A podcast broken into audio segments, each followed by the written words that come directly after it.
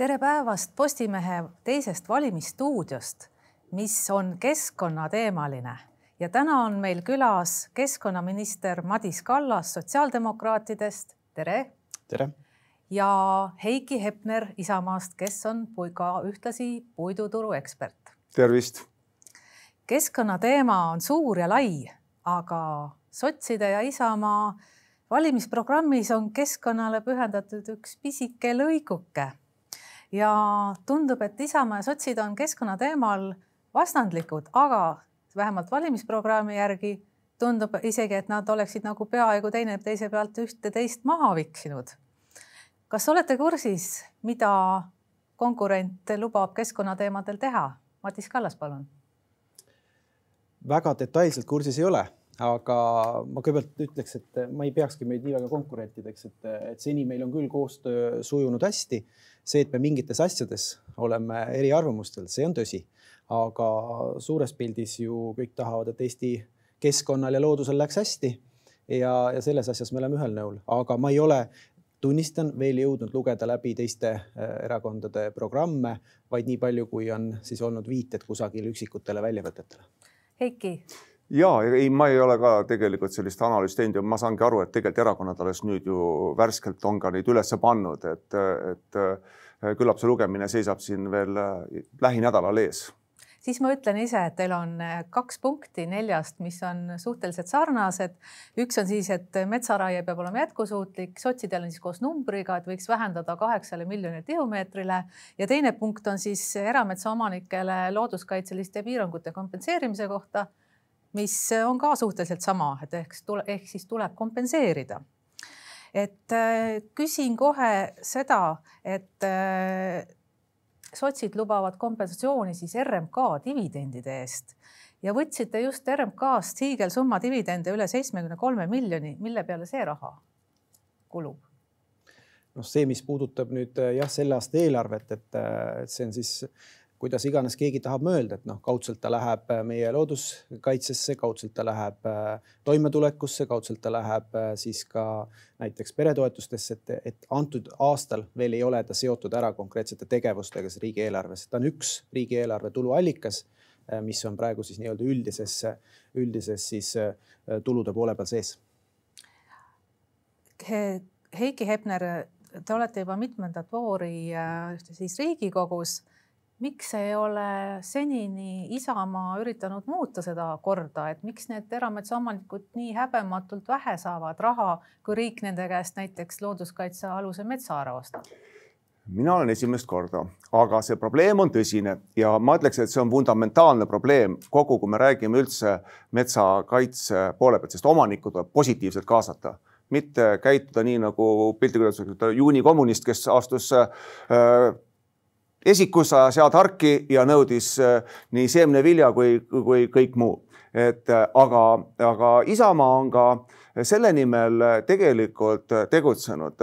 Madis on viies minister, kellele ma olen neid probleeme rääkinud. Äh, noh, on teisi probleeme ka veel, mida me oleme omavahel rääkinud ja ütelnud, et, et viies minister, et ehk hakkaks liikuma ja mul loot, lootus on, et kui me räägime maapõuest, siis ehk midagi hakkab ka liikuma aga, aga tõsi on ka see, et Isamaa kukkus äh, opositsiooni ja kui sa oled opositsioonis, siis paraku sa saad äh, probleemi tõstatada, aga teha saad vähe.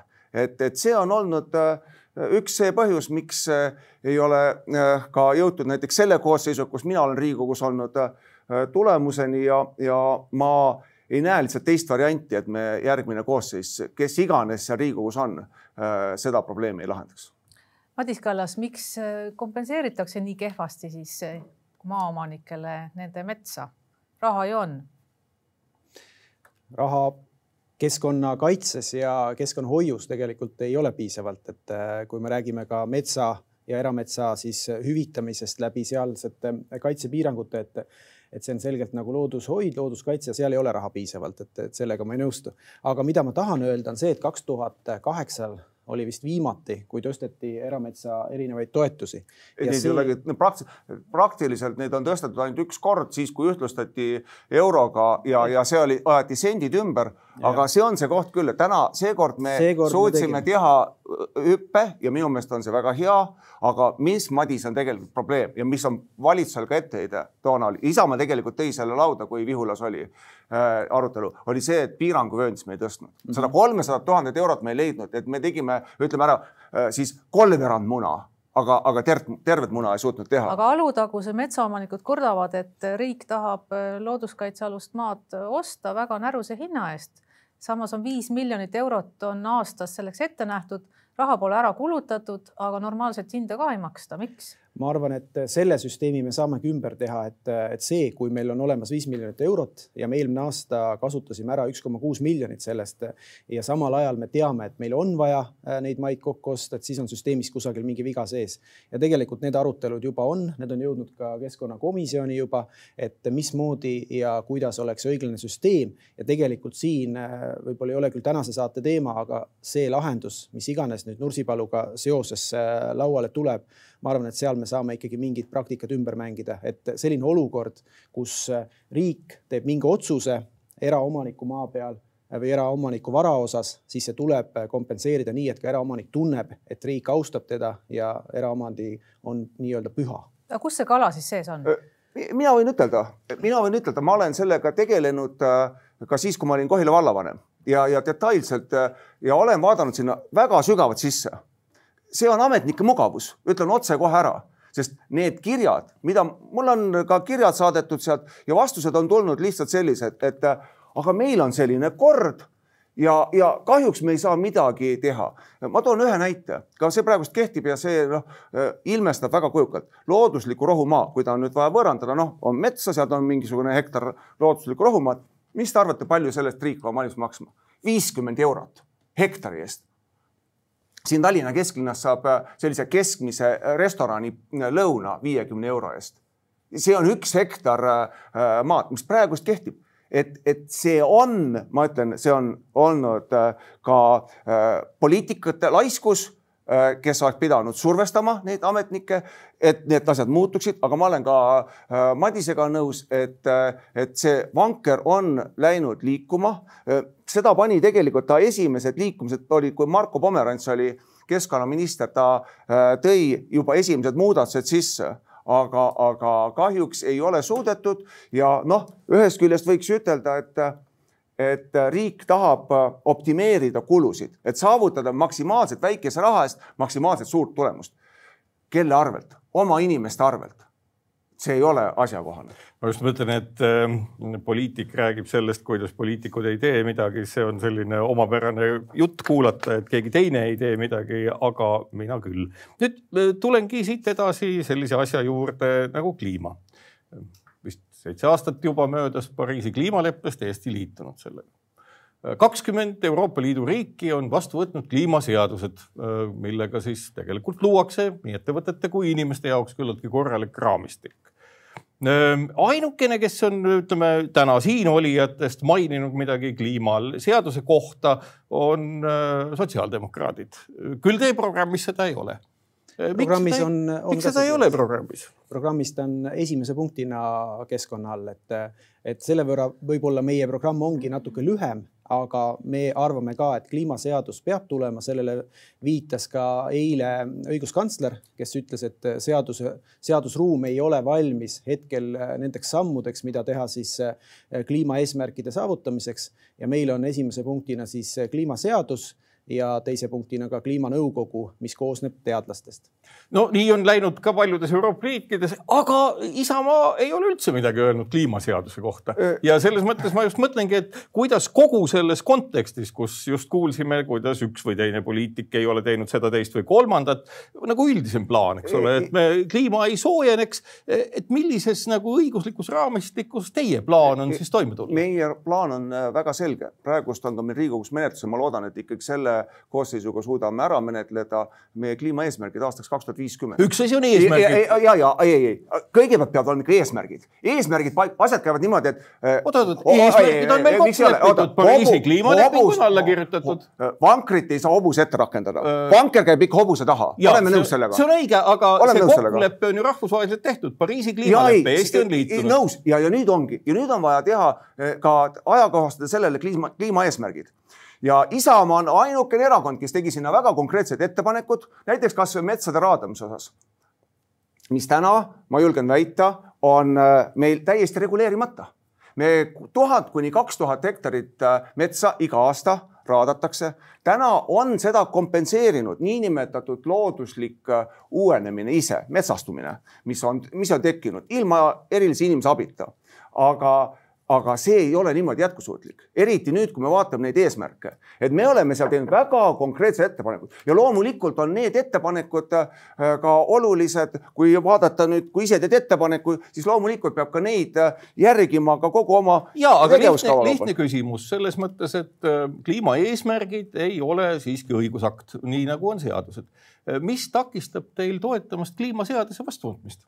Ei, aga no, ei, ei, ei, ei, ei miskit ei takista. Eestis on palju seadusi, mis ilmselt vajaksid uuendamist või, või vastuvõtmist või, või läbiarutamist, et, et ega siis kõike ei jõua. ma olen siin jälle oma hea konkurendiga, kui nii nagu öeldi, või, või, või, või kaasteelisega ühte meelt, et ega siis kogu elu ei jõuta kirjutada valimisprogrammi. sinna sa paned Äh, kõige olulisema, mis äh, kindlasti. kas kliimaseisund ei ole kõige olulisem asi tänasel hetkel? Äh, ma julgeks ütelda selle kohta, et ta on oluline.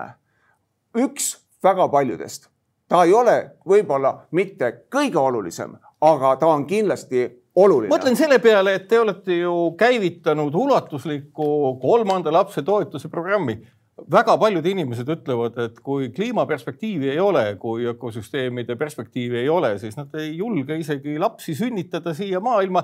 kuidas saab olla kliima üks paljudest, kui väga paljude jaoks on see üks kõige kesksem? ei no ja, aga siin on nüüd see printsiip, mida tuleb jälgida ja see käib ka metsanduse kohta, kui me vaatame, meil on nagu kolm mõõdet. Üks on, ütleme, ongi see keskkond, sinna hulka käib ka kliima siis on kogu see sotsiaalmajanduslik mõõde, sotsiaalvaldkond ja siis on majandus. ja tegelikult me peame otsima seda ühisosa mulle meeldib väga see, et metsanduse arengukavas, võib-olla jõuame ka selleni veel, on toodud, kui me vaatame seda äh, nüüd äh, keskkonnamõjude hindamist, on toodud see taburet. ma olen kogu aeg, ma olen palju metsandusest rääkinud ja keskkonnast sealhulgas, see tabureti mudel. kui me võtame ainult ühe jala ja arvame, et see taburet on selle võrra kasutatav, et äh, majanduse võtame sealt välja, võtame ära sotsiaalpoole välja, siis ja paneme selle keskkonnajala otsa, saame ühe pika jalaga tabureti, millega ei ole mitte midagi teha. et see on see, me peame otsima seda ühiskohta, vot see viib edasi, sellepärast ei saa ütelda, et, et see on nüüd ainukene võluvits. Aga loomulikult kliimateemadega tuleb tegeleda. Äh, kasvõi, kasvõi näiteks, mis Eestit puudutab, meil ilmselt sellist kõrbestumist ei ole, aga sadeveed sadeveede lahendamine, väga asjakohane küsimus, loomulikult tuleb tegeleda. Äh, kliima on selles mõttes ikkagi kogu maailma jaoks täna tõepoolest üks fundamentaalsemaid asju, noh. Soome arutab täna selle üle, kuidas nemad oma eesmärkidega toime tulevad. aastaks kaks tuhat kolmkümmend kasvab nende energiatarbimine. Soome jaoks on oluline, et pool sellest energiast toodetaks tuule abil kaks tuhat kolmkümmend juba. Kui kliimaeesmärke ei ole sätestatud, kuidas me suudame üldse nagu toimetada ja kuidas, kas siin ei ole mitte näha seda, et kliimaseadust vältides me ikkagi ütleme seda, et noh, et vaatame, et natukene kaevandame põlevkivi ja teeme veel midagi, et me ei sea nagu põhilist eesmärki, sellepärast et inimene kuumas edasi elada ei saa. ja see on ju kõige fundamentaalsem. aga kas te olete vaadanud näiteks energiaplokk osa selles programmis, seal on ju need teemad sees ju. Taastuvenergia ei ole kuhugi kadunud ju meie programmist. loomulikult on see oluline, loomulikult tuleb sellega tegeleda, see on arusaadav. Isamaa ei ole iialgi sellele vastu väitnud. Madis Kallas, mis teie arvate?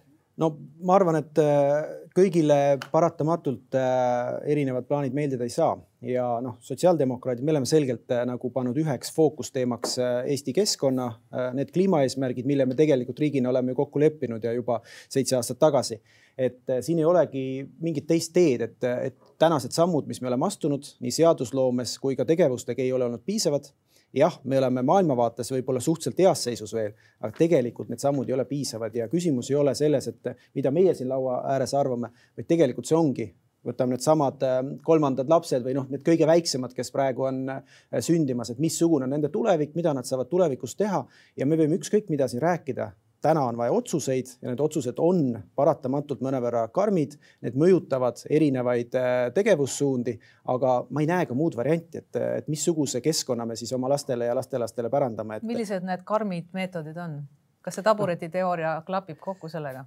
Äh, absoluutselt, et loomulikult on äh, elu ei koosne ainult ühest või, või kahest või kolmest valdkonnast, aga küsimus on, mida me seame prioriteediks ja meie hinnangul ilma keskkonnata me kahjuks ei saa mitte ühegi muu asjaga arvestada, et see on üks tähtsamaid asju ja meie oleme valinud selle prioriteediks ja see tabureti jalg, mis puudutab näiteks elurikkust, mis puudutab kliimaeesmärke, meie ökosüsteemi, see on hetkel jäänud tahaplaanile, see on kõige tähtsam.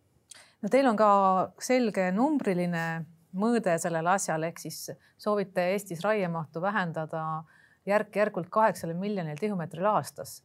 Heiki Hepner, mis teie sellest arvate, kas nõustute, et see on vajalik või siis vastupidi? Äh, jälle ma tulen ikkagi sellesama äh, noh näite juurde, et, et see ühisosa on sealt pealt ja minu meelest metsanduse arengukavas on äh, need lahendused ka antud ja, ja, ja täna ei ole meie äh, ütleme nüüd kvantitatiivselt äh, meie metsade kaitse üldse äh, halvas olukorras. ehk, ehk tegelikult äh, me peame pöörama selle kvantitatiivse tegevuse kvaliteedile ehk me peame protsessipõhiselt minema eesmärgile ja, ja noh, viimane näide täna hommikul. Äh, see oli nii keeruline, mida see ja, tähendab? ja, ei, see tähendab, ei, seda, see tähendab seda, et, et me oleme täna, just tahtsin hakata seda avama, et äh, Eestis on rangelt kaitste all äh, seitseteist ja pool protsenti metsi ja, ja kogu nüüd ütleme siis metsade osas umbes kolmkümmend protsenti on kaitse all. Euroopa on püstitanud eesmärgi aastaks kolmkümmend peaksime me jõudma nii kaugele, et oleks kümme protsenti range kaitse all ja kolmkümmend protsenti võiks olla kaitse all. Soome täna hommikul uudistes on ka tegemas oma strateegiat ja tõepoolest on püstitanud eesmärgi, et aastaks kaks tuhat kolmkümmend peaks olema nendel siis ka jõudma nad kümne protsendini. ehk see on see koht, kus Eesti on läinud päris korralike sammudega, ma ei ütle, et see on vale, aga on pannud need postid maha ja nüüd peab selle täitma sisuga nendest metsadest ei ole mõtet äh, range kaitse alla võtta, kui nad ei teeni seda eesmärki, ehk sinna tuleb vaadata, miks mis näiteks, see eesmärk on? Äh, eesmärk on ju, meil on äh, nii liigikaitselised kui elupaikade kaitselised, noh, mis on ka siin metsand, kui me metsandusest räägime, metsanduse arengukavas nagu viidatud. et seal öeldakse väga selgelt seda, et me oleme kvantiteedi saavutanud, aga kvaliteediga on probleeme. Te olete korduvalt öelnud seda, et metsanduse jaoks on oluline noh, nii-öelda kvaliteedi tõstmine ja puidu väärindamine. noh, soomlaste jaoks on puidu väärindamine ka see ja nad tunnevad head meelt selle üle, kui järjekordne kogus äh, tankerit või kaubalaeva tselluloosi massiga läheb Hiina poole peldikupaberi valmistamiseks seal. mis on meie see nii-öelda eesmärk äh, metsatööstusel äh, millest see kvaliteet koosneb, kas ka energiast? tähendab, loomulikult on, vot siin tuleks ka jälgida, millega ma olen Euroopa Liidu poole pealt püstitatud nagu eesmärgiga väga nõus, on see kaskaad kasutamise põhimõte. seal on asju, millega ma ei ole nõus, see, seal on ka noh, tõepoolest, kui me räägime, seal on ka sellist fantaasiat, aga see puidukasutus, kaskaad kasutamise põhimõte on väga asjakohane. et see tähendab seda, et energiasse läheb ikkagi ainult see puit mida ei ole võimalik muud moodi väärindada. ja Eesti nõrkus on praegu see, et me ei suuda oma paberipuitu väärindada. me viime selle Soome, viime selle Rootsi, sellest tehakse äh, mitte ainult, vabandust, peldikupaberit, aga sellest on võimalik ka teha presidendi prouale kleit, millega Soome president oli oma vabariigi, Soome Vabariigi sajandal juubelil. no see on üks näide, mitte tööstus veel. ei, ei ja, ei, aga, aga nad on, Soome on ikka teinud äh, puidukeemias. Äh, no nii oleme tegelikult ka meie. muljet, muljet avaldanud, ma usun, et te olete selles osas minuga nõus, et Soome on ikka, kui me räägime puidukeemiast, maailma absoluutne tipp. vastab tõele aga ma, Jaa. ma lihtsalt ütleks võib-olla mõnevõrra lihtsamate lausetega, et tänane seis Eesti metsanduses ja metsaraiete mahtude osas ei ole Eestil jätkusuutlik. seda näitavad äh, elurikkusuuringud, seda näitab CO2 sidumine ja kui me tahame siin midagi ette võtta, me võime rääkida väga pika loo juurde või väga pikad plaanid, siis ainus äh, samm, mis töötab, on see, et me peame raiemahtu vähendama nii palju, kui mina olen kohtunud, ma kohtusin täna näiteks TTÜ rektoriga, eile kohtusin Maaülikooli rektoriga, samamoodi arutasime väärindamise temaatikat, mismoodi seda rohkem äh, teadust äh, tuua sinna, mismoodi me saame seda riigina toetada, ka siin MAK-is äh, metsanduse arengkavas on väga selgelt kirjas, et me suuname sinna üle saja kaheksakümne miljoni euro. et tegelikult need on need sammud, mis tuleb ära teha, aga veel kord, me ei tohi ära unustada, ilma raiemahu vähendamata me ei saa neid tulemusi saavutada ei elurikkusega ega metsa ökoloogias ega kliimaeesmärkidega, et noh, ma nagu siin nagu mingeid alternatiive ei näe, pigem on küsimus see, mida me pakume metsasektorile asemele, kui äh, tooraine äh, läheb mõnevõrra vähemaks ja mismoodi me teeme neid väärindamisi, et oleks kõrgemini tasustatud töökohad, et ka nendes piirkondades, Eestis on viis maakonda, kus äh, tööhõive metsandussektoris on üle kümne protsendi, et ka nendes piirkondades ikkagi need inimesed saaks ka tulevikus tööl käia. aga mismoodi ja kuidas? mõlemale teile küsimus nüüd seotult sellega, et hästi palju kirgi on tekitanud metsandusstatistika, mille puhul andmekaitse Inspektsioon on öelnud, et need andmed peaksid olema kättesaadavad kõigile, mida ei ole siiamaani juhtunud. küsingi, et kas teie kumbki olete seda metsandusstatistikat näinud ja kas teile on sellele ligipääs olemas? Mina olen näinud äh, seda statistikat, äh, tean, et seda saab äh, ühte või teistpidi ka teadlaste poolt tõlgendada, aga siin ma võin öelda, et tegelikult nii Euroopa Liidu tasandil, kuhu ka meie oleme oma allkirja alla pannud, on see, et tegelikult metsastatistika, metsaseire ja kogu see temaatika tuleb ühtsena Euroopas üle vaadata, et me saaksime ka ühtses Euroopa Liidu ruumis neid asju paremini võrrelda. kas teie veendumus selles, et see metsastatistika näitab tõepoolest seda, et raiemahud on väiksemad kui juurdekasv. Teie meelest vastab see tõele? olete te seda näinud ja analüüsinud?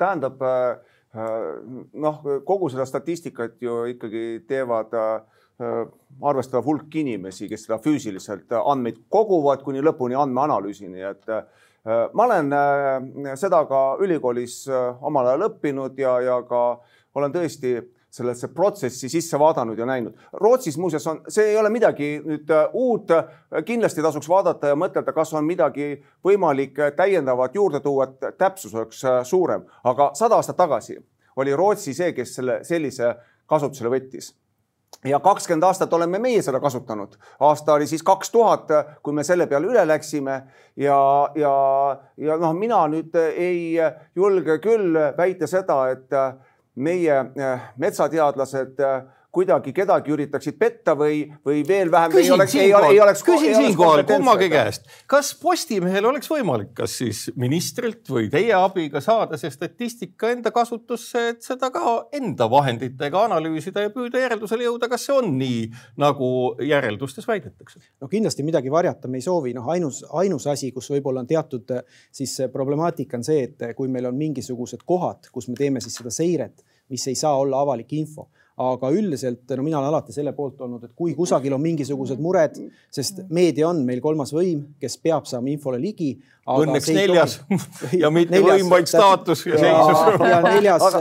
aga just küsimus ongi selles, et me ei tohi siin nagu tekitada olukorda, mis täiendavalt seda, noh, ma ei taha öelda metsakonflikti, aga seda süvendab mm. -hmm. ja selles valguses noh, mina olen küll proovinud selle kuue kuu jooksul ministeeriumi poolt nii palju kui võimalik seda infot anda kõigile meediaväljaannetele, kes on küsinud ja tehes seda nii otse ja selgelt kui vähegi võimalik. Heiki Hepner, teie olete praktik, miks siis harvesterimehed kurdavad, et tööd pole enam eriti, et äh, no ei ole nagu midagi metsa maha võtta, et äkki seal statistikas on ikka mingid kalad või käärid sees? noh, vot ei oska nüüd seda ütelda, et tõepoolest äh, minu praegune töö lihtsalt ei võimalda ka ajakasutuses sinna nüüd minna süvaauditit tegema ma olen äh, ka äh, soovitanud, noh, kui see debatt tõusis üles, et äh, tegelikult kõige lihtsam oleks olnud tellida üks rahvusvaheline audit sellele peale. no ma tean, et nüüd astuti samme ja Tartu Ülikoolilt küsiti selle arvutusmetoodika kohta, et ka noh, saada täpsuse kohta siis mingisugune usaldusväärne niisugune teine hinnang. noh, metsa keerukus on tegelikult selles, et äh, me ju ei saa seda puud noh, niimoodi mõõta, nii nagu siin klaasis me saame vett mõõta et me ei saa ju kõiki puid maha raiuda ja neid ära uputada ja siis teada, kui palju nüüd veetase tõusis ja ütelda, nii palju teda on.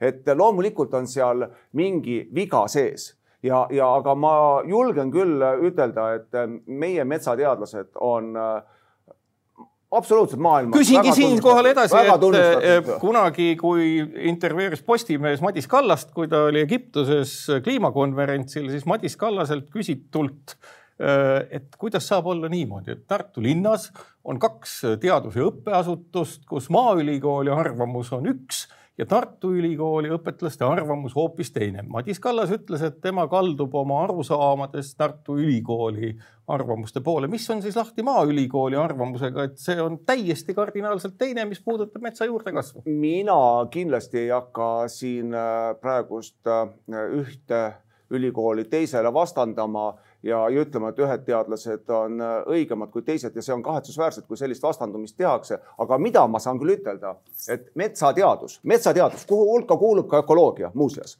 äh, on äh, tunnustatud, neid, neid ülikoole, neid erialasid on Eestis võib-olla kaks-kolm, mis on tunnustatud maailma viiekümne parema hulka. Nii et Eesti metsateadus on maailma, ametlikult tunnustatud maailma, Maaülikoolis, maailma viiekümne parema hulgas nii et, et aga see ei tähenda sedasi, et mina hakkaks nüüd olema sedasi mõistma kohut Tartu Ülikooli eh, teadlaste ja üle kindlasti mitte. mina, ma tahaks ka nagu selles mõttes öelda, et kindlasti ei ole küsimus selles, et eh, ka eile, kui ma käisin uue, uuel rektoril külas ja, ja rääkisime kaasa arvatud ka metsandusest päris palju, et kuidagi neid vastandada, pigem ongi küsimus me teame, et on need kolm jalga, jääme nende juurde siis, et kuidas neid äh, mõista millist äh, jalga siis nii-öelda tugevamaks ehitada või milline jalg on nii-öelda murdumas. ja vaata selle koha pealt mina ütlen, et, et need, see info, mis ma olen saanud nüüd teadlastelt, ütleb, et kõige nõrgemas seisus on hetkel see keskkonnajalg, see elurikkuse jalg ja me peame sellega oluliselt rohkem vaeva nägema ja kui tõesti tehakse näiteks rahvastikuuuringuid, regionaalpoliitika uuringuid, siis loomulikult tuleb see sotsiaalmajanduslik mõõde väga tugevalt välja. Aga ma ei lähe oma teed nagu kõrvale, mina ütlen, et hetkel me peame tegema samme selles suunas, et see keskkonna äh, valdkond oleks oluliselt tugevamalt siis metsanduses nagu kaetud. üks suur ettevõte, Viru Keemia Grupp plaanib teha uut tselluloositehast ja on ka väga jõuliselt võtnud sõna näiteks raiemahu vähendamise vastu, väites, et siis ei jätku neile toorainet ja siis nad ei saaks seda investeeringut teha. Aga ma saan aru, et nii sotsid kui Isamaa arvavad, et see investeering oleks vajalik, aga kas te olete teinud ka mingit analüüsi, et kas näiteks selle tselluloositehase ehitus olukorras kui oleks vaja metsaraiet vähendada, kui on meil olnud kõrge elektri hind, teatavasti sellised tööstused võtavad väga palju energiat ja kui on meil ka tööjõupuudus, et kas see üldse Eesti riigile, riigieelarvele tulu tooks? No pigem on ju küsimus selles, et äh, meil paratamatult ükskõik kui vähe me ka raiume, oletame, et me raiume ühel hetkel, ma ei tea, seitse miljonit äh, tihu aastas, ikkagi meil tekib paberipuitu, mida oleks kõige mõistlikum väärindada siis äh, läbi siis tselluloosi või mingi keemia, keemiatööstuse teiste, teiste liikide. et siin ei olegi küsimust, me ei saa seda välja viia või, või ei tohi seda välja viia, et, et ta peaks olema Eesti inimeste töö ja leib. isegi ja siis, kui tööstustele mõeldud odava elektri maksab tegelikult kinni eratarbija, kes maksab selle eest rohkem, kuna nõudlus on suur? No pigem me peame need mudelid tegema selliseks, et see ei oleks ka nii-öelda rohepesu või ta ei oleks nagu ringiga kuidagi tuleks meile siis bumerandina tagasi. et aga minu sõnum on see, et me peame väärindama võimalikult palju Eesti ühist vara, mis on meie mets Eestis. Heiki Hepner, teie olete puiduturu ekspert ja teate väga hästi nii Eesti kui Soome paberipuidu hinda. teatavasti Eestis on see ligi kaks korda kõrgem see... ja ikkagi on probleem, et seda viiakse Soome, miks see nii on?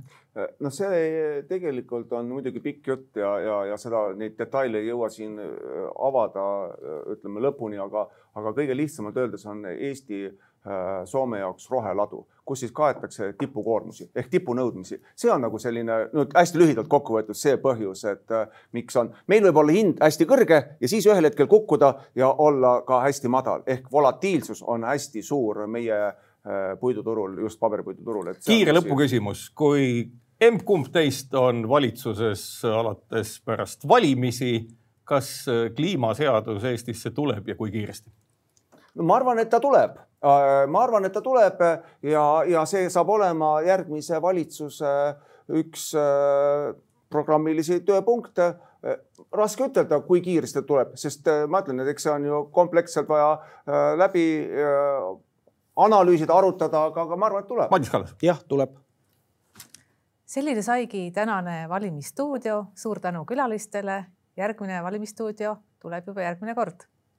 aitäh. aitäh. oli tempokas.